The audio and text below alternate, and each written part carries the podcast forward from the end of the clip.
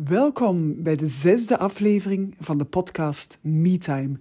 In deze aflevering interview ik foodpreneur Patty Maurera en hebben we het erover hoe je door je eigen rol als ondernemer te veranderen en erin te groeien, meer tijd en flexibiliteit voor jezelf creëert. Ben jij iemand die graag wil groeien en meer balans en voldoening wil voelen in zijn werk en in zijn leven? Dan is deze aflevering absoluut iets voor jou. Heel veel luisterplezier.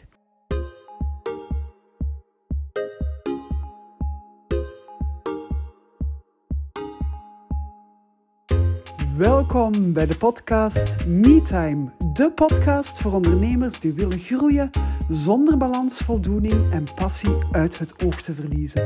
Want MeTime staat voor durven ondernemen op jouw manier. Ik ben Anne-Marie van der Wallen en hier trakteer ik op heerlijk toegankelijke porties mindset en persoonlijke groei. Want MeTime gaat over groeischeuten en groeipijnen en over het soms hobbelige parcours naar groei voor jezelf en voor je zaak. Maar MeTime gaat ook over de vreugdedansjes die je maakt als je niet alleen je resultaten haalt, maar ook voldoening en balans vindt in je werk en in je leven.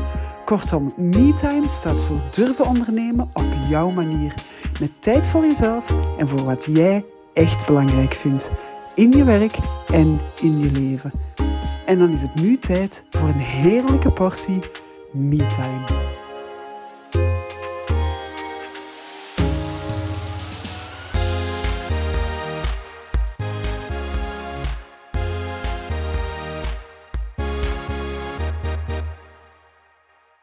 Lieve luisteraar, welkom, welkom bij alweer een nieuwe aflevering van de podcast MeTime. De podcast waar ik jullie inspiratie wil geven om te kunnen ondernemen op een manier die voor jezelf klopt. En ik heb vandaag een heel speciale gast meegebracht, Patty Maurera. Dag Patty. Dag Annemarie. Ik hoop uh, dat ik uw naam goed uitspreek. Het is geen Vlaamse naam. Het is een naam die van ergens anders komt. Ja, Maureira. Zo Mau, Maureira. Maureira.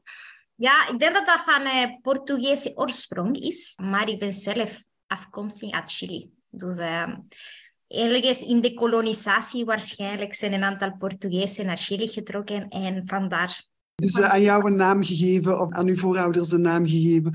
Patty, ik heb jou vandaag uitgenodigd omdat we kennen elkaar nog niet zo heel lang maar ik was meteen onder de indruk van jouw verhaal. Als coach is jouw verhaal voor mij sowieso ongelooflijk interessant. Los van het feit dat ik jou een heel mooi persoon en vrouw vind, een heel mooi mens, op de manier waarop dat je in het leven staat.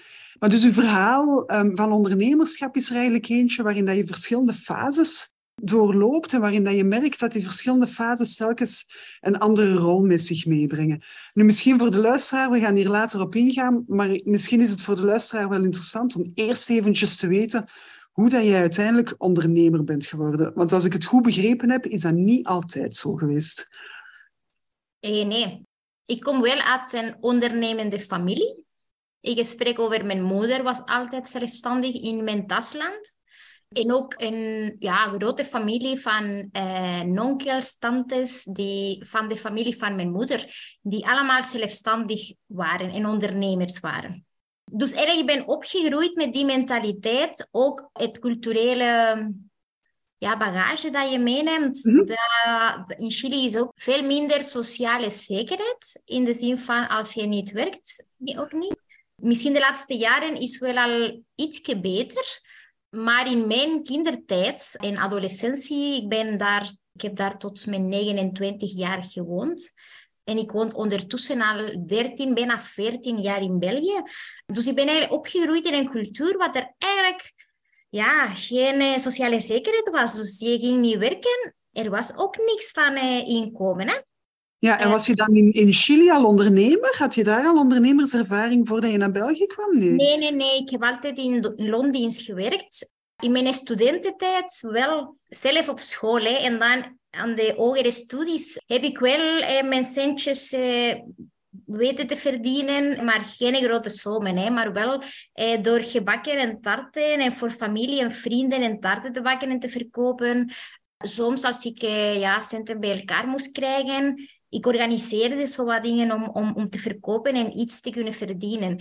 Maar dat was eerder voor bepaalde doelstellingen, kleine projectjes of... Ehm, ja, ook in, uh, in, mijn studententijd. Soms, het geld was er niet in overvloed. Hè? Dus uh, zelf een studieboek of zo dat ik moest gaan kopen. En die waren ook redelijk duur. Daar moest ik nog heel creatief mee zijn om aan die doelstelling te komen. Dus niet officieel ondernemen, maar wel altijd opgegroeid met een ondernemende mentaliteit van trekken we plan. Uh, ja. En denk creatief en out of the box. Dus daar denk ik wel dat dat een grote meerwaarde is geweest. Hè? Ja, dus het ondernemerschap uit noodzaak toen, maar toen dat je in België was, op een bepaald moment heb je echt heel bewust gekozen voor ondernemerschap. Uh, zes jaar later. Ik ben eigenlijk hier aangekomen en dan heb ik één jaar volledig Nederlands gestudeerd. Na bijna één jaar, ik voel me al niet helemaal klaar, maar wel mijn niveau dat dat voldoende was om iets te kunnen doen. En daar ben ik eigenlijk begonnen in een corporate, in een groot bedrijf. In de voedings, eerder additieven en kleuren en, en, en dietarische supplementindustrie. Um, en daar ben ik eigenlijk uh, ja, zes jaar gewerkt. Heb ik twee jaar en half in een quality zo heel technisch, op basis van mijn beroep. En daarna meer naar de commerciële aspect gegaan als uh, technical product manager. En dan ineens was het echt het moment van dat is echt niet mijn dada. En ik zag me ook niet al op lange termijn in die, in die omgeving te blijven werken. En was het dan een, een logische keuze om ondernemer te worden? Was het een bewuste keuze? Of was er een bepaald moment een opportuniteit die langskwam en waar dat je dan kon opspringen en bent opgesprongen? Ik weet het niet eigenlijk, want als je van een land verandert of zo, in Chili had ik ook andere prioriteiten toen. Uh, ik was ook heel jong en uh, ik was redelijk ja, met een mooie carrière, zou ik zeggen. Ik was heel ambitieus ook, dus ik wou eigenlijk die een pad verder te onderzoeken in die sector. Allee, ik zat in de supply chain, eh, culinaire wereld, wat ik heel boeiend vond. En ik had genoeg uitdaging. Dus eh, tot hmm. daar toe, ik voel me niet op een moment van, ha, daar wil ik eigenlijk niet meer, do niet meer doen. Dus ik was daarmee gelukkig. Um, en daarna kwam het mogelijkheid om van eh, naar België te verhuizen. En op dat moment in België, de keuze van mijn job was wat er in mijn pad kwam. Eh, ja. Omwille van het taalgebrek en ook een cultuur waar ik eigenlijk was voor mij nog vis, nog vlees. Allee, ik voel me zo aan vreemd. Ja, ja. In de Nog een beetje moeilijk om vat op te krijgen om al in te kunnen ondernemen of zo. Ja, nee, ik, ik was er nog niet klaar. Ik moest ja. eerst, ik wist dat, ik moest in dat integratieproces wel weten wie ben ik eigenlijk hier in deze omgeving, in de, de Vlaamse cultuur, uh, met alle nuances ervan en alle, ja. Um, dus ja, ik vond dat eigenlijk moeilijk, want ik moest mezelf heruitvinden hier. Ja, ja. Ik moest zelf mijn, mijn plaats weten te, te maken eigenlijk, want er was... Ja. Hier, je weet het niet wat te wachten staat en ik was nog altijd heel doel, doelgericht. Dus ik wist, oké, zonder taal ben ik een analfabet. Zonder de taal kan ik gewoon niks doen. Ja. Um, en zolang dat ik de Vlaamse cultuur niet leer kennen, zolang dat ik eh, relaties niet kan opbouwen, zolang dat ik mezelf niet kan laten zien en kennis maken met mensen van hier. Dat de, de, de mogelijkheden waren zo beperkt, zo klein. Uh, dus dat was voor mij een, een, een prioriteit nummer één. Dus ik ben eigenlijk op één jaar tijd echt gelijk een maniac beginnen studeren.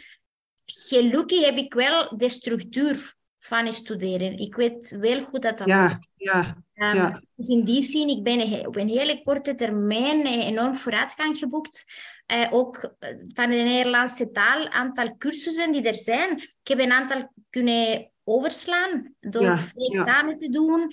Um, dus eigenlijk op een heel korte periode intens. Ik heb eigenlijk tot, tot 3.1 en eigenlijk het maximaal is 3.4. Um, ja. En daarna zat ik in de lees, maar ik leerde gewoon niks bij. Omdat mijn niveau ja, was hoger dan die van de klas. En toen op dat moment dacht ik, ja, Ellen, nu moet ik gewoon naar buiten komen. En zo ben ik beginnen solliciteren in het voedingindustrie sector.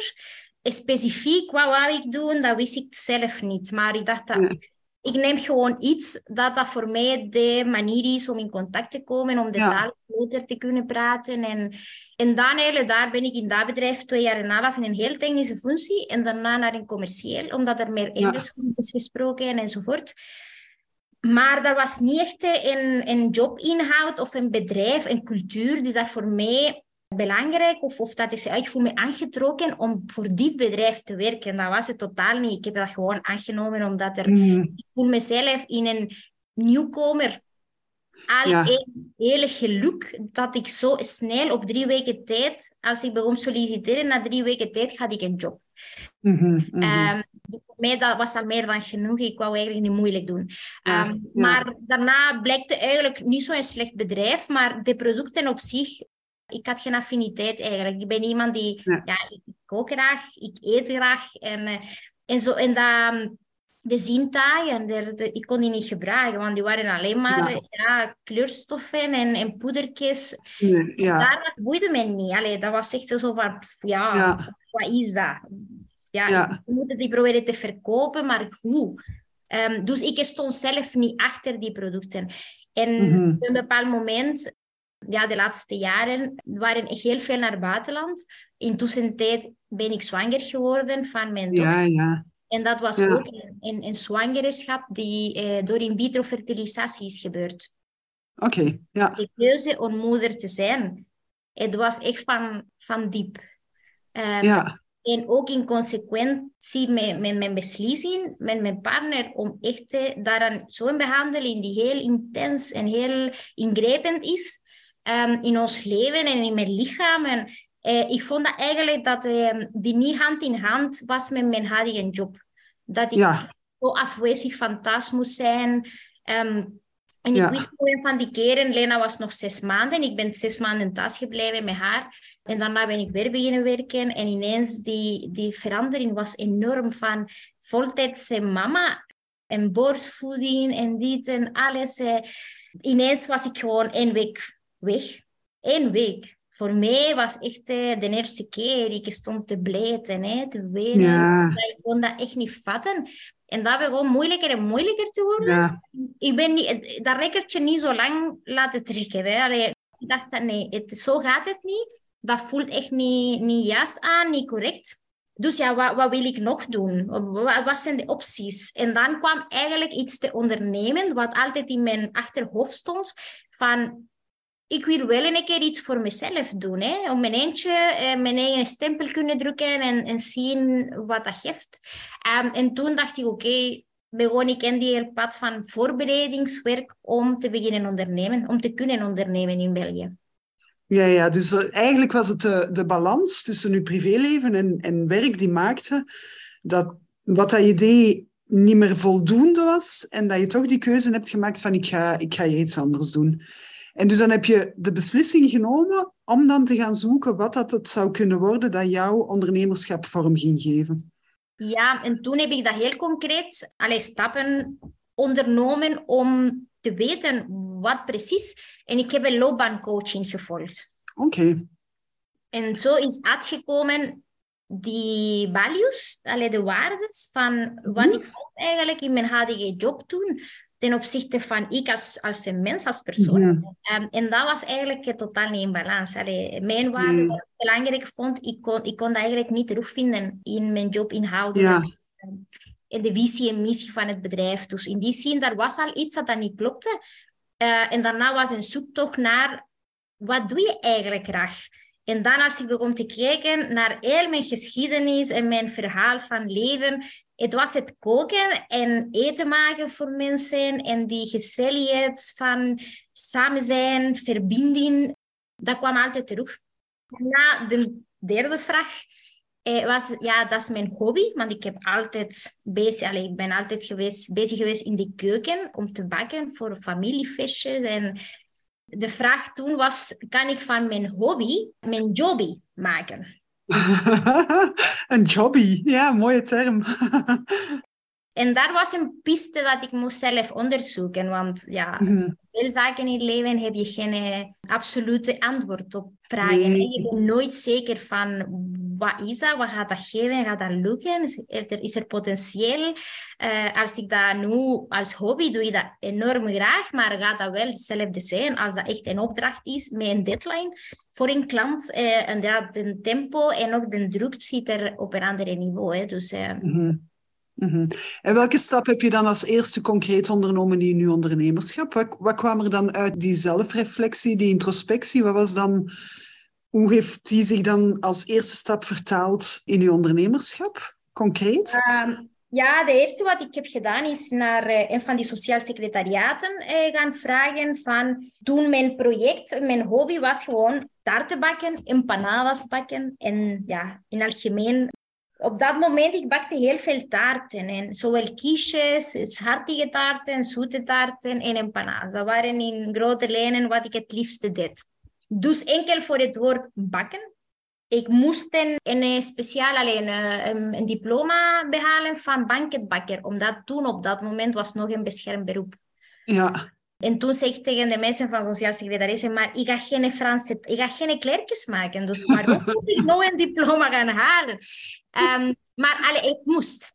Ja. Daarna ook, aangezien dat ik mijn studies niet in België had gevolgd en mijn diploma uh, niet gehomologeerd was in België enzovoort enzovoort, ik moest toch een bedrijfsbeheerdiploma ook.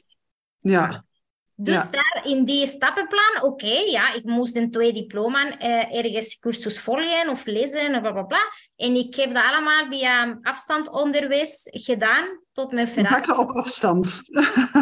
het, was, uh, het was Franse termen, kooktechnieken leren. En er was wel iemand die op afstand antwoorden kon geven aan, op je vragen. Heel eigenaardig, maar dat kon.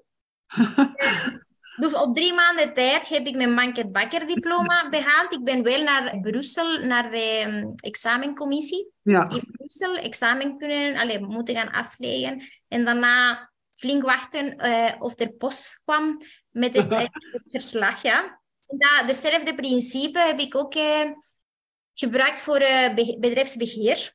Dat heb ik ook bij afstand onderwezen. Dan boeken doorgenomen, gelezen. ja, en dan ook diploma behaald. Eh, Oké, op het moment, dat was november. Welke jaar? Lena was net geboren, in 2014 denk ik. En ik dacht, oké, nu heb ik die twee diploma's.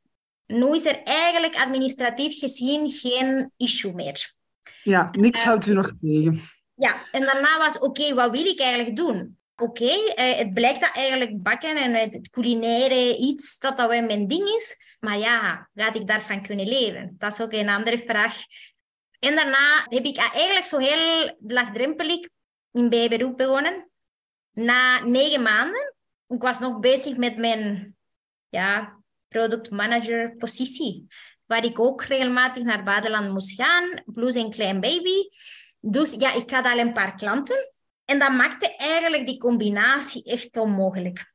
Uh, Ik was tot middernacht aan het bakken en dan de volgende ochtend om negen uur met mijn chique kledij uh, voor een meeting. Allee, dat, dat was echt niet, niet oké. Okay.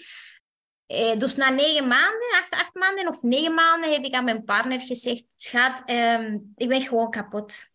Ja. En die zegt: Halleluja, gelukkig. Eindelijk. ja. En die zegt: Oké, okay, en wat ga je doen? Mm-hmm. Ik zeg ja, allee, in die fase heb ik maar twee opties. Ofwel kies ik voor, allee, je moet duidelijk keuzes maken. Kies ik voor het blijven ondernemend, eh, ervoor gaan voor mijn project, of ik stop ik ermee en ik ga terug naar mijn corporate leven. Hè?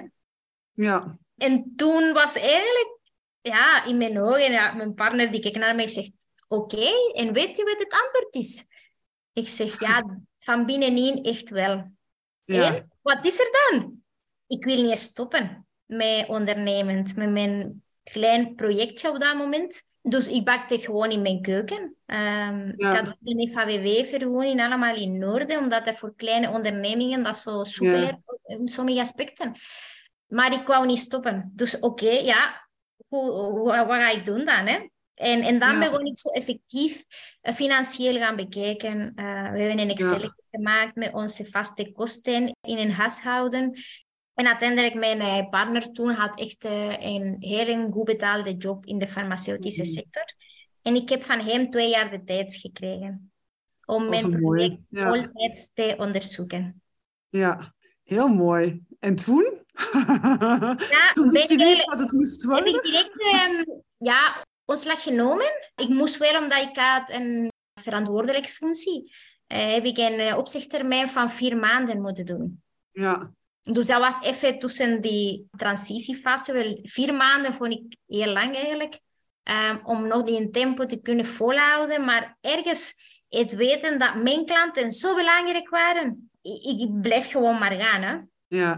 Um, en dan heb ik dat, uh, allez, het, het, het, hoofdstuk van um, de ja, grote bedrijvenwereld wel mooi afgesloten. En dan mijn collega's die vroegen iedereen zo van, en wat ga je doen? Ga je naar de concurrentie? Ik zeg, nee, helemaal niet. Nee, nee, nee, nee. Ik ga op mijn eentje iets, iets opstarten. Allee, ik ben al bezig, maar echt officieel voltijds. Ah, wat is dat? Wat is dat? Ja, ik ga taarten bakken. Empanadas, kistjes. En voor wie? Mhm. Voor klanten? Ik weet het niet. Ik moet ze nog vinden. En voilà, dus iedereen verklaart me een beetje ja, zot voor die keuze van echt een goed betaalde en een gouden kooi weg te gooien voor iets totaal onzeker. Maar ik voelde heel correct en ook uh, aangezien we hadden ons Excelke goed uitgestippeld en uh, ik dacht, ja, honger gaan we toch niet leden. Dus ja, voilà, het, er moet iets strakker. Um, ja. Mooie vakanties in het buitenland zullen misschien eventjes niet zijn. Uh, we gaan ergens hier in Europa blijven, maar voor de rest was er een aanpassing, maar ook niet om te zeggen dat dat onmogelijk was. Hè. Um, ja. en, en wij hebben echt een keuze gemaakt voor oké, dat is voor ons gezien, dat is voor ons ja, welzijn en ook het gelukkig zijn in leven. En ja, wil je consequent zijn met, met, met, met, wat je wil, eigenlijk naar je toekomstvisie. Ja. Um, en op die manier, um, ik heb dat eigenlijk op zo van, de keuken bij mijn thuis nog een jaar verder gedaan. Um, ja. En dan begon ik eigenlijk dat er een jaartje van mijn twee jaar termijn al achter de rug was. Uh, ik begon aan die um, groeifase van hoe moet ik hier ja. scalen? En zo ben ik eigenlijk beland in een horeca-verhaal. Ja, dat is de volgende stap die je dan zet. Hè? Eerst opstarten, niets klein, zelf, bijberoep. Eigenlijk vanuit, vanuit ja, echt die drang naar balans en naar, naar harmonie met gezinsleven. En, en het ja. erbij om jezelf wat rust te geven en een beetje peace of mind te hebben om een stap te kunnen zetten. Wat dat heel slim is, hè? want je, als je die peace of mind niet hebt, is het heel moeilijk om die stappen te gaan zetten. Dus ik denk dat dat zeker voor sommige luisteraars heel interessant kan zijn van te horen. Dat als je zelf heel mooie handvaten geeft van cijfers en van tijd en van termijnen, dat ook gewoon die rust creëert om stappen te kunnen zetten en ook om stappen te kunnen zetten samen met iemand. Wat dan natuurlijk niet betekent dat als je een jaar verder bent en je merkt van ik moet iets doen, het is bijna op of het is niet meer helemaal ingevuld, dan moet ik misschien toch weer een stap gaan zetten om bij te sturen, bij te schaven. Was het in die richting dat die stap naar de horeca dan is gebeurd? Of was er een andere nee, aanleiding? Nee, want eh, tot daaraan toe, alleen de eerste keuze van te stoppen met een corporate leven en naar het buitenland te gaan regelmatig en niet nee mogen zeggen, want dat was een deel van van het inhoudelijk, van de verantwoordelijkheid dat je moest dragen. En de moederschap. Dus dat was een eerste keuze. Daarna was de keuze van oké, hoe en wat. En daarna die termijn van hoe ga je dat doen en welke is mijn termijn om dat te kunnen realiseren en onderzoeken. En daarna was nog die stuk van oké, ik wil mijn ondernemerschap niet verlaten. Absoluut die pad blijven volgen. En dan was ook, oké, de manier waarop ik dat nu doe, is dat niet rendabel of niet genoeg. Ik kan eigenlijk mijn boterham niet verdienen op die manier. Dat was veel te lang, veel te intens. Ik heb nog een klein oventje. Alleen met ja. huishoudelijke toestel kan je toch niet, niet zoveel meer doen. Ik was eigenlijk al twaalf jaar mee bezig uh, aan een stuk. En, en toch, ja, de rust en de tijd om, uh, om ja, efficiëntie in te brengen, was ja. het niet. Zonder de nodige uitrusting. Hè? Mm -hmm. En daarna was het proces van, oké, ik moet opscalen. Ik moet mijn activiteit zien, wat heb ik nog nodig om te vergroten, om meer te produceren, meer klanten te kunnen bedienen op een compactere tijdstip. Dat ik in plaats van 12 uur aan een stuk werken, dat ik dat kon op 8 uur tijd. En dat ik ook voldoende ruimte had voor mijn kinderen die ondertussen, we waren al met twee. Want intussen ja. ben ik ook nog een behandeling begonnen voor eh, de in vitro fertilisatie van mijn tweede kind. Want we hadden nog een, een, een bevruchte eitje die ingevroren was. We hadden een termijn om die terug te plaatsen. Ja, ja. En daarna was eigenlijk die niet gelukt, maar we waren al met dat gedacht van, allee, dit is toch een goede termijn om dat te doen. Uh, Oké, we gaan dat in één keer voortzetten. En zo ben ik eigenlijk na één behandeling, volle behandeling van in vitro fertilisatie, zwanger geraakt van mijn zoontje. Dus in die tussentijd ja, was echt oké, als Noah met de juiste leeftijd is om naar de crèche te gaan of zo. Ja, ik ben ook tot zes maanden geprobeerd tussen mijn zelfstandige activiteit nog heel aanwezig te zijn als mama. En daarna was Noah acht maanden en ik dacht, dat, ja, hier moet ik echt eh, mijn termijn beginnen zo korter en korter te komen. En ik had al mijn businessplan opgemaakt om eventueel op de bank te gaan vragen voor een, om mijn bakatelier met professionele toestellen te kunnen inrichten. En toen was omwille van de moederschap, omwille van een bijberoepactiviteit en nog een hoofdberoep, maar net gestart. Ik had de financiële middelen en de solvabiliteit niet om dat te kunnen aantonen aan de bank, dat een, een, een goede allez, keuze was om mee te financieren. Ja. Dus ik zat eigenlijk vast, want ik moest groeien. Zonder te groeien, zonder de investering, kon ik eigenlijk niet verder. En tegelijkertijd ja, ik had eigenlijk niet zoveel opties. Maar in tussentijd is de opportuniteit om een horecazaak over te nemen. Uh, die eigenlijk een koffiebar, brunchbar, dus mijn openingsuren, die overdag was open van 8 tot 5 ongeveer. Dus ik dacht, oké, dat is wel goed te combineren. Die horecazaak had ook een vaste team. Uh, Waardoor eigenlijk in mijn gedachten was mijn aanwezigheid niet per se mandatory.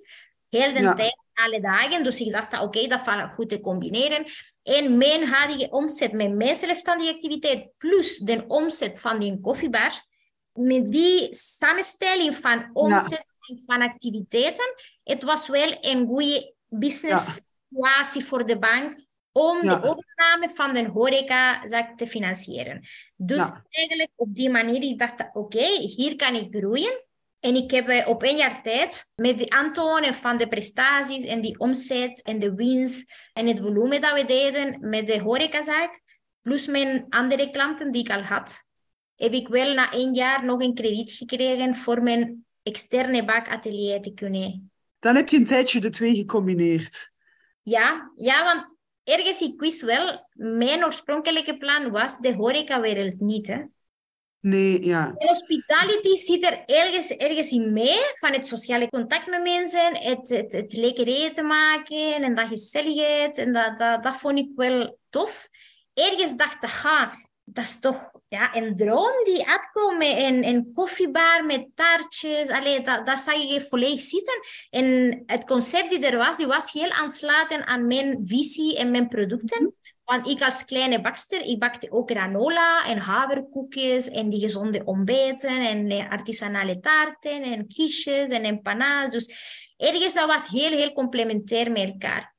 Maar denken dat ik zo snel in een horeca-verhaal ging stappen, dat was niet mijn oorspronkelijke plan.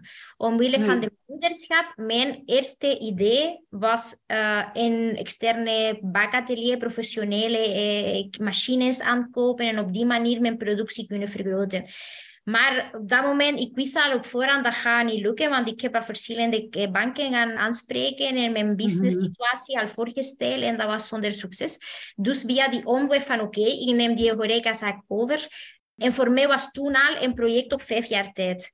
Want mijn schoonmoeder en uh, iedereen rondom mij zei, maar je bent zo met twee kleine kindjes uh, en een horeca gaan runnen en bla bla bla. En ook zonder ervaring in de horecawereld. Ja.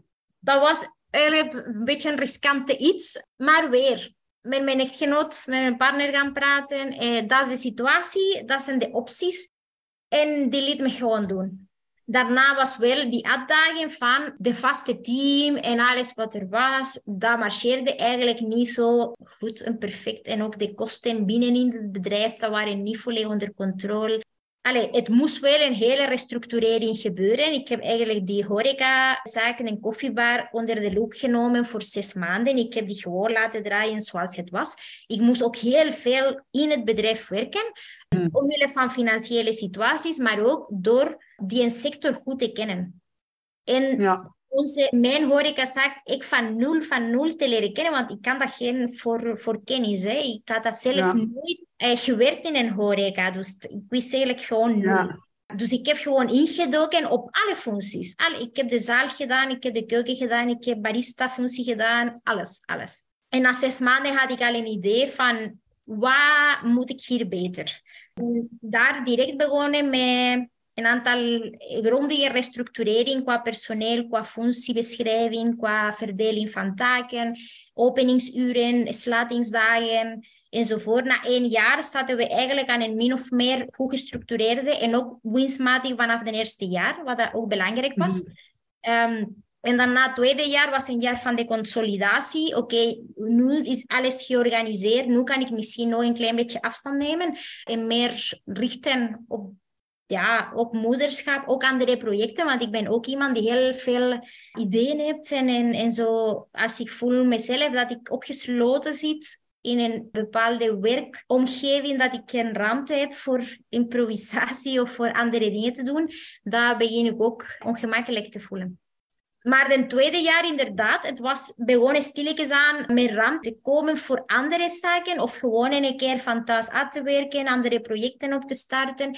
In mijn achterhoofd blijft mijn productieruimte naar externen toe. Hè? Dus ik blijf met het project van een roebouw te zetten voor mijn bakatelier en nog ondertussen had ik al de financiering volledig afgerond. En dan was mijn atelier hier klaar in 2000 eind 2019. Dus eigenlijk, ik had de zaak, horecazaak, koffiebar overgenomen in januari 2018. Dus ik had eigenlijk twee, hele jaar 2018 gewerkt aan een, het leren kennen van mijn zaak. Ten tweede, de restructurering intern. In 2019 begon ik met het project van het roebouw te zetten, installatie, financiering in orde te krijgen. Tegen eind jaar 2019 hebben we effectief die project kunnen concretiseren. Ik was klaar met een businessplan om externe klanten en professionele klanten te gaan aantrekken. En dan in maart begon corona. Dus ja. daar waren we net opgestart met mijn tweede vennootschap. En dan was eigenlijk allemaal stil. In coronatijd heb ik eigenlijk, ja, ik zeg, uh, mijn gedachte op dat moment was oké. Mijn bakatelier dat is goed om die te kunnen allee, te hebben en die een realiteit, die staat daar. Maar op dat moment, mijn grote kosten, die kwamen eigenlijk vanaf mijn horecazaak. Dus daar mijn energie. Ik heb dat project even geparkeerd en volledig gericht op horecaactiviteiten, zodanig dat er door alle lockdowns door en sluitingstijden, maanden, nog omzet te kunnen creëren en genereren. En gelukkig waren wij, allez, was ik eigenlijk zo snel in de overschakeling dat ik heb eigenlijk eh, zorgeloos alle lockdowns door kunnen overbruggen. Waardoor die twee coronajaren waren met meer winst dan een normale jaar. 35 tot 40 procent meer winst ja. dan een normale jaar. Dus er uh, zit een hele goede crisismanager in u. Ja, denk het wel. maar ergens crisissituatie, ik bekijk dat op die manier. Hè. Uh, in een crisis, daar is echt niet zoveel om te verliezen. De shit die er is, er is. Meestal komen de crisis door externe factoren die niet in mijn handen komen. Allee, of niet in jou en niet in mij. Dus die komen door, weet ik veel, externe landen, oorlogen. In dit geval een globale pandemie. Dus eigenlijk tegen daar verzetten, dat, dat, dat werkt gewoon niet. Dat, dat brengt niks op. En wat er verloren is, of wat je eigenlijk minder in handen hebt, ja, alles wat je doet, je hebt een grote kans van iets positief mee te brengen. Of iets, een mhm. positieve resultaat te leveren. Want erger van wat het is, dat kan eigenlijk moeilijk. Hè? Um, nee, het is, het is, vaak ook zo, doordat, doordat je een crisissituatie hebt, ben je gedwongen om anders te kijken naar een dagdagelijkse realiteit. En doordat je gedwongen bent, ga je natuurlijk andere dingen zien dan dat je voordien hebt gezien. En in die andere dingen kunnen opportuniteiten zitten, kunnen mogelijkheden zitten, kunnen juist dingen zitten die, dat je, die dat je wel nodig hebt in je bedrijf, of die dat je bedrijf ook naar een ander niveau kunnen tillen.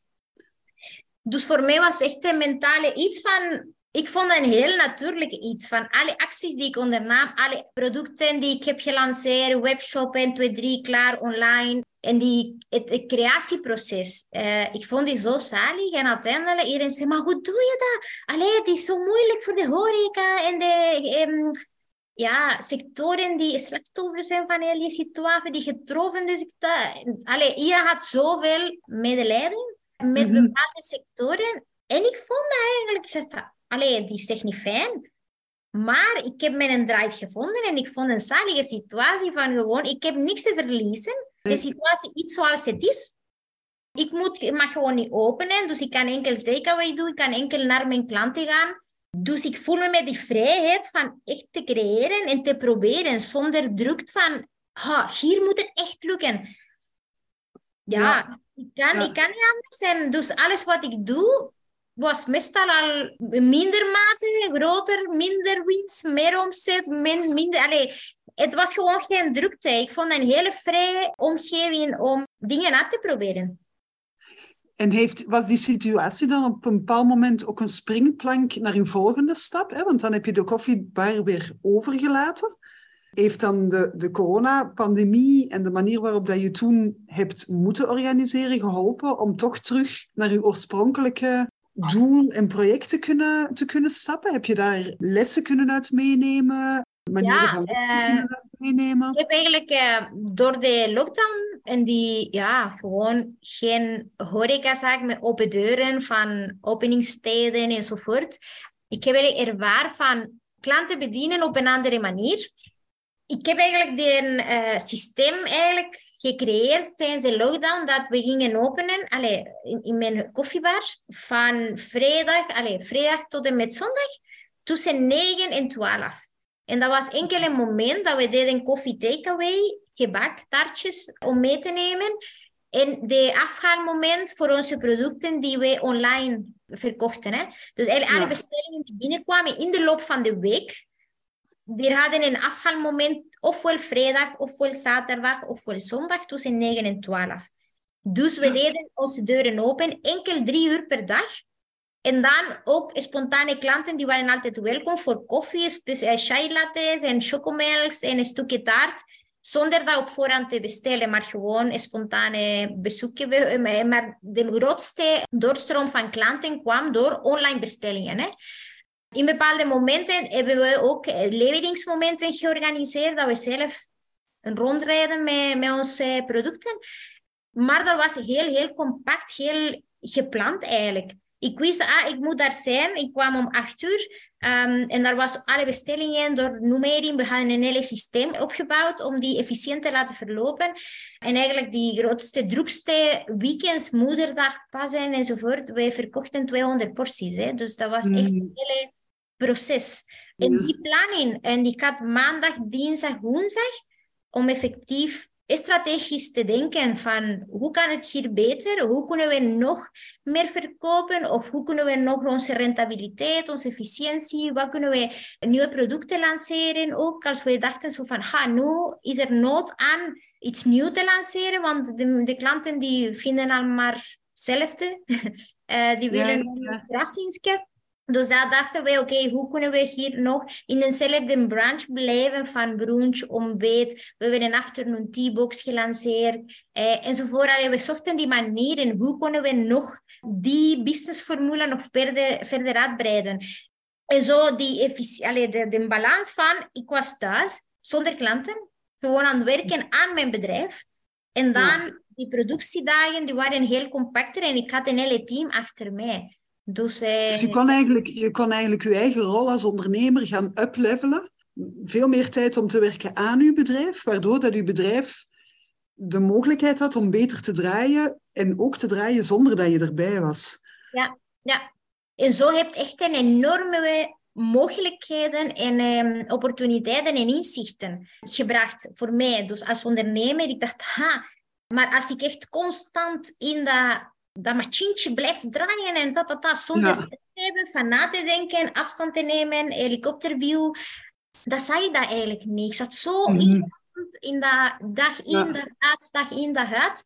Ehm, en toen dacht ik eigenlijk, ja, dat is wat ik wil nog verder doen. En ik begon te beseffen dat eigenlijk dat horecapand, dat was een beperking in mijn verder groei. Omdat ik was eigenlijk, ik zat vast aan een bepaalde capaciteit. Ik zat vast ook aan een, uh, zat vast aan die muren eigenlijk, die twee verdiepingen. En dat was het. En ik, zoveel meer kon ik niet doen, want was een heel, de horeca-business, dat is, heel, dat is een hele mooie sector, maar tegelijkertijd zo intens. Hè? Dat stopt niet. Ja, ja. Nee, en dat stopt nooit om vijf uur als je de deur toedoet. Daarna moet je nog jouw kassa tellen, moet je wel jouw koffiemachine opkuisen, de keuken moet opgeruimd, de stok moet geteld worden. Wat moeten we nog bestellen voor morgen? Uh, en ja. Dus zo ben je eigenlijk bezig ja, natuurlijk, ik deed de deur open. Ik kwam naar huis, ik had met mijn kinderen. Maar als de kinderen in bed lagen, dat was van 8 uur tot 10 uur tot 11 uur nog in de achtergrond uh, voor te bereiden. Want volgende dag moesten we weer openen. Hè. En, en dus dan heb je op een bepaald moment de beslissing genomen om het pand of de horecazaak terug te verkopen. En om echt te gaan voor wat, wat dat eigenlijk eerst uw oorspronkelijke idee was. Ja, in de coronatijd hebben we ook de Sister Bean at Home uh, concept. Dat was echt die online verkoop voor particulieren. Maar tegelijkertijd in dat creatieproces uh, in de loop van de maanden van de coronapandemie hebben we ook de Sister Bean at Work. En dat was echt gericht op catering naar bedrijven. Okay. En die Sister Bean at Work stuk, die is echt blijven, blijven groeien. Die particulieren online verkoop, die is na de lockdowns, op het moment dat alles weer open ging, wel ja. serieus gezakt, omdat er niet noodzakelijk was. Dus de mensen door, als je moet kiezen, ik ga een pakketje bestellen of ik ga zelf op restaurant, ja, de keuze is snel gemaakt. Hè? Dus eigenlijk die particuliere segment, onder die vorm van online verkoop, dat ging naar beneden, maar de bedrijven, die gingen omhoog. Ja, ja ja, daar was een andere segmentatie, andere manier van werken ook. Ik vond dat een heel interessant businessmodel van op die manier te werken. Dus als ik, als ik dat naar, naar algemene termen vertaal, dan heb je eigenlijk eerst... Um... Ah, ik ben het is de evolutie van... Oké, na, allez, na corona, zou ik zeggen, uh, die evolutie die de markt volgde, van particulieren naar beneden, bedrijven die gingen omhoog. En tegelijkertijd mijn inzicht van ik voelde beperking om ergens hier te blijven. En dat was een manier van te blijven ondernemen dat ik niet meer wou. En je had, ehm, kennis gemaakt, je had kennis gemaakt met een nieuwe doelgroep. Waarvan een andere segment kan van, makkelijker gaan opschalen waarschijnlijk. Of daar kan je grotere bedragen aan verkopen of grotere bestellingen. Waardoor dat je eigenlijk die efficiëntie, die dat je, waar dat je in het begin van de aflevering al over vertelde, van ik ben altijd maar op zoek naar efficiëntie en naar manieren om beter te werken die nieuwe doelgroep liet u ook toe om dat eigenlijk helemaal te gaan verwezenlijken. Ja, eh, en dat was toen in al bijna vijf jaar van mijn horecaverhaal. Dus voor mij was sowieso een deadline waar ik eh, ja, mijn onderneming en mijn ondernemerspad onder de loep wou nemen. En dat was echt een deadline die ik had van in het begin gezet. En de jaar, vijf jaar termijn is heel simpel. Door een investeringskrediet die op vijf jaar... Ja, ja. Dus voor mij oké, na vijf jaar ben ik er vanaf van die grote kosten, zou ik zeggen. Uh, En mag ik weer vrij kiezen. Kan je weer kiezen wat je... En als ik het goed begrepen heb, dan ben je alweer aan het dromen van andere dingen en van nog, op een, nog een keer je rol te gaan veranderen in je eigen ondernemerschap, in je eigen onderneming. Maar vertel maar wat dat je nieuwste droom is om te gaan verwezenlijken. Ja, op dat moment was ik oké, de, de beslissing om te stoppen, om mijn zaak over te laten, het was er genomen. Ik heb ook daar op een hele strakke deadline gezet. Ik wou dat op drie maanden tijd afgerond krijgen. Maar eigenlijk in die sector is het niet evident.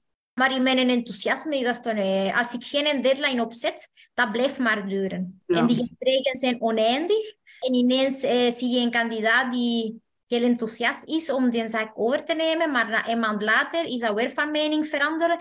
En, en ik wou eigenlijk mijn lot niet in iemand anders laten. Dus voor mij was drie maanden de tijd, is dat overgelaten naar iemand, prima. Het beste scenario is het niet, ik stop sowieso. Ja. Dus ik, op dat moment dacht ik, oké, Ik uh, rijd wat er is, ik verkoop wat het kan. Ik zie de manier van hoe kan ik hier mijn uh, investering wel zo goed mogelijk terugverdienen. Ja. Uh, Ik had al een mooie buffer opgebouwd. Dus dat was iets dat ik niet had, helemaal in het begin van mijn horecaverhaal. Dus voor mij enkel met die buffer die ik had, plus het potentieel, de ene scenario was winstgevender dan de andere. Maar dat, dat, aspect ging mijn beslissing niet veranderen en ook niet op termijn wat lang, allee, dat ik, ik ging blijven totdat een goede koper... Nee, ik ging eigenlijk mijn plan niet aan iemand anders zijn keuzes laten. Ja, eigen keuzes in handen hebben. En, de ownership van ik wil dat doen en ik ga dat gewoon doen. Um, Voilà, dus in die scenario, oké, okay, ik ben eigenlijk met een, een goede strategieplan de verkoop aangepakt. Me, ik heb me laten adviseren door een copywriter die een hele goede press release heeft uh, geschreven. Op ja. basis van wat, wat waren eigenlijk de redenen om die zaak, om een succesvolle zaak over te laten. Ja. Wat voor sommige mensen een beetje onbegrijpelijk is. Maar dat gaat niet over het financieel. Dat gaat niet over eh, hoeveel succes het is. En voor mij, ondernemer, ondernemend is echt een topsport. Uh, En als een topsporter moet je gewoon weten te stoppen wanneer je aan de top zit. Hè? Ja. En niet wachten totdat je begint te slawakken om te zeggen, oh, ik had dat eigenlijk al eerder moeten beslissen. Ja. En dus de zaak is verkocht geraakt? Of, um... Het is effectief op drie maanden tijd. Met een paar dagjes eh, vertraging. Maar was in plaats van de 30 juni hebben we getekend op 5 juli. Oké, ik denk dat we dat kunnen vergeven. ja, ja. en, en dat was door, ja, er zijn altijd onverwachte situaties. Dus eh, dat was ook niet een uitzondering. Maar het resultaat was er daar, de doelstelling ah. was bereikt. En daarna dacht ik, oké, ja, nu is het hoofdstuk zo goed als afgerond. Dat volgt sowieso twee maanden van lopende contracten en alles door te geven enzovoort. Ja, ja. Eh, maar toen kan ik al, had de ruimte in mijn hoofd om, om te zien in welke vorm ging nog mijn onderneming verder zetten. En zo is dat eigenlijk geworden allee, als duidelijk concept van mijn core products zijn mijn quiches en mijn empanadas. Daar hebben we een proces opgebouwd van uh, een heel efficiënt proces van ambachtelijk gemaakt, artisanaal gemaakt, maar die worden op einde in een shockvriezer gestoken. Dus dat zijn diepvriesproducten, okay. maar, maar artisanaal gemaakt. Hè? Dus een vers ja, gemaakt, ja, groenten, de deeg wordt zelf in-house gemaakt. En we bereiden die, voelen die en dan in een shockvriezer worden diep bevroren op een hele korte termijn, dus een uur, een uur en een half, van kamertemperatuur naar min 18. En daarna worden die verpakt, gelabeld en bewaard. Ik volg eigenlijk twee customer segmentations. De ja, ene, twee doelgroepen. Ja. De doelgroepen is de professionele klanten, dus B2B, waar eigenlijk die worden beproefd, die bevroren, rauw geleverd in dozen. En die klant moet die zelf afpakken. Ja. Dat is voornamelijk naar eh, lunchbarkes, horeca, concept stores cateringbedrijven in grote lijnen. Vergaderruimtes die ook eh, iets voor kleine groepen moeten aanbieden zonder een cateraar te moeten laten komen. Foodtruckers ook, dat is ook een paar klanten. En een andere segment van doelgroep is bedrijven. Bedrijven worden eigenlijk voor lunchmeetings, ontbijtbuffetjes, voor uh, trainingsdagen, alles wat te maken heeft met businessactiviteiten. Dus daar lever ik eigenlijk avondbuffetten en lunchbuffets of uh, ontbijt. Die gericht is voor een, een, een, heel concept hè, van ja, met dessert, zonder dessert, met drank, zonder drank. Maar altijd met de quiches en empanadas als de hoofdproduct. En dan kon aangekleed worden met complementaire en soep of salade. Um, dus die twee, en nu komt een derde, die is nog niet concreet, maar we zijn nog daaraan het werken, is de particuliere markt via een webshop te bedienen. Ah ja, ja, ja. Dus eigenlijk ben je opnieuw je rol aan het omvormen naar een ondernemer in, in voedingsproducten. Hè? Eerst horecazaak, cateraar en nu ga je echt in de richting van ondernemer in voedingsproducten en, en ga je opnieuw een andere rol krijgen voor jezelf binnen je bedrijf. Ja, dat gaat een beetje over mijn toekomstvisie. Om op termijn de retail te benaderen. Ik weet eigenlijk dat in die segment afzetmarkt is wel, de marges zijn veel kleiner, maar de volumen zijn veel groter. Dus dat is ook een andere strategie qua verdienmodel. Mm Maar dat wil zeggen ook dat de productie wordt verder geautomatiseerd, waardoor eigenlijk ik kan me meer richten in commercieel en leiden, het richting geven aan mijn onderneming, zonder dat ik zozeer betrokken ben met de productie. Dus eigenlijk daar en ook een afzetmarkt vergroten, zodanig dat de productie met een grotere machine is, dat ik ook al een marktonderzoek heb gedaan en ik weet, ik heb een importeur, een fabrikant eh, in Argentinië. Dus allee, daar zit er eigenlijk de upscale naar een volgende niveau. Ja. Eh, ergens in de pipeline. Ja, ja, ja. ja, je voelt heel sterk hè, dat je iemand bent die ambitie heeft, maar tegelijkertijd ook visie. En dat echte ondernemerschap in zich heeft van ik pak het aan, ik ga er naar op zoek, ik zoek manieren om dat te vinden. Ik vind het heel mooi bij jou om te zien hoe dat je je niet laat afschrikken door situaties. Hoe dat je plannen maakt, hoe dat je heel snel in actie kan schieten en een situatie die verandert ook zelf mee kan veranderen soms. Of, of zo kan draaien dat ze voor jou um, een groot voordeel heeft. Ik vond sowieso een superboeiend verhaal. Ik zou heel graag willen afsluiten met eigenlijk één vraag die ik systematisch stel aan iedereen die hier langskomt als gast in deze podcast. En dat is eigenlijk, heb jij een tip voor de luisteraars die heel graag willen ondernemen op hun manier, die willen groeien op hun manier, die net als jij dat geluk, die balans, dat evenwicht zoeken in hun leven, die voldoening? Is er iets waarvan dat je zegt van dat is echt mijn leidraad, dat is echt mijn credo, mijn overtuiging waar dat ik altijd terug hou vaststaan vind? Heb je zoiets dat je kan meegeven? Er is één vraag dat ik altijd stel aan mezelf als ik een belangrijke beslissing moet nemen. Hè? En dat is, wat is het ergste dat het kan gebeuren als je dat doet? Ja. En als een uh, worst case scenario niet zo slecht is. Ja, en ga je dat dan ook echt uittekenen? Ga je, dat, ga je echt voorstellen, bijvoorbeeld, ik, ik doe het soms ook, hè. ik heb mij ook al voorgesteld, wat is er het ergste wat er kan gebeuren? En dan is het bijvoorbeeld dat ik mijn huis moet verkopen. Maar dan weet je van ja, maar als je je huis verkoopt, dan heb je zoveel geld op de rekening. Dus is dat dan echt zo erg? Maar ga je dat dan ook echt je voorstellen, visualiseren? Worst case scenario, wat betekent dat? Ja, bijvoorbeeld als ik naar België ben verhuisd, dat vraagt wat ze een land veranderen, een taal die je niet kent en ook jouw carrière daar gewoon achterlaten. En mhm. wat het ergst wat, dat kan gebeuren. En was het eigenlijk dat ik moest terugkomen naar Chili. Ja. Was dat zo erg? Ik moet nog een job zoeken, ik moet weer een appartement vinden. Allee, opnieuw ja. mijn plekje vinden en mijn, mijn, de draad van mijn leven herpakken. Allee. Maar ik vond dat eigenlijk totaal niet erg. Ten opzichte van wat ik kon uitleren. Ja. En in de ondernemerschap is ook zo, hè, van Allee, in de overname van een horecazaak, die ook beschouwd wordt als een hele risicovolle activiteit. Een beslissing waar soms ja, de banken stappen zelf in. Veel mensen die vinden dat ook een, een, een zot avontuur om daarin, daaraan te beginnen. Maar voor mij was ook zo het, uh, het situatie van, ja, wat kan er mislopen dat ik failliet ga? Dat ik eigenlijk die een sector dat ik totaal niet ken, dat ik mis mijn aanpak, dat dat niet de juiste is. Of, allee. En ik dacht, maar zelf dat, als je denkt dat dat, als je ziet dat dat ergens jouw aanpak niet correct is, ja. je moet eh, herpakken. Je moet eh, plan A, B, C. En ik heb altijd mijn plan A, B, C. Is mijn plan A niet haalbaar, niet werkbaar? Schakelen naar plan B en zo, ik maak verschillende plannen hè, eh, op basis van die evolutie. Ik zeg altijd, there is no chance to failure.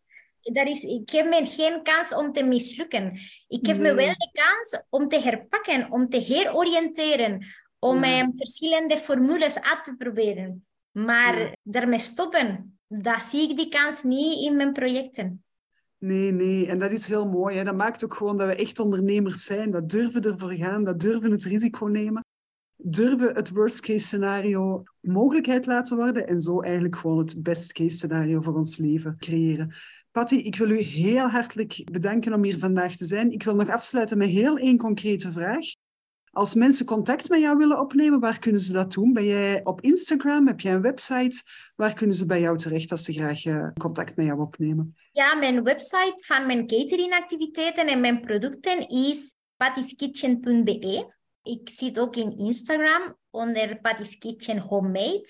Mijn privéactiviteiten als ondernemer, waar niet enkel food, maar ook coaching naar vrouwen met diverse roots en ook al mijn activiteiten dat ik doe als ondernemende vrouw, is Patty Food Entrepreneur. Dat is op Instagram. En ik heb ook een LinkedIn-profiel als Patty Maureira. Daar kunnen mensen ook naartoe. Oké, Patty, heel erg bedankt, lieve luisteraar. Als je het interview met Patty interessant vond, laat haar weten wat haar van vond. Geef haar even feedback, geef haar shout-out. Dat doet altijd ongelooflijk plezier. Patty heeft haar tijd geïnvesteerd en het is dan maar fijn om te weten dat ze een verschil heeft gemaakt met dit interview in jullie leven, in jullie manier van werken.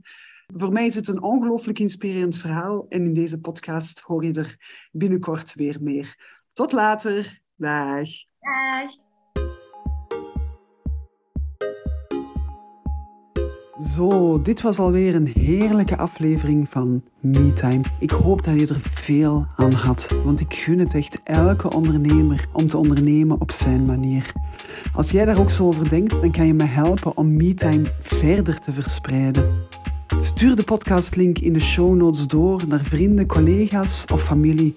En als je deze aflevering echt boeiend vond, Post dan een enthousiaste review, zodat MeTime nog meer luisteraars bereikt. Is schrijven niet jouw ding? Gewoon 5 sterren geven helpt ook ongelooflijk goed.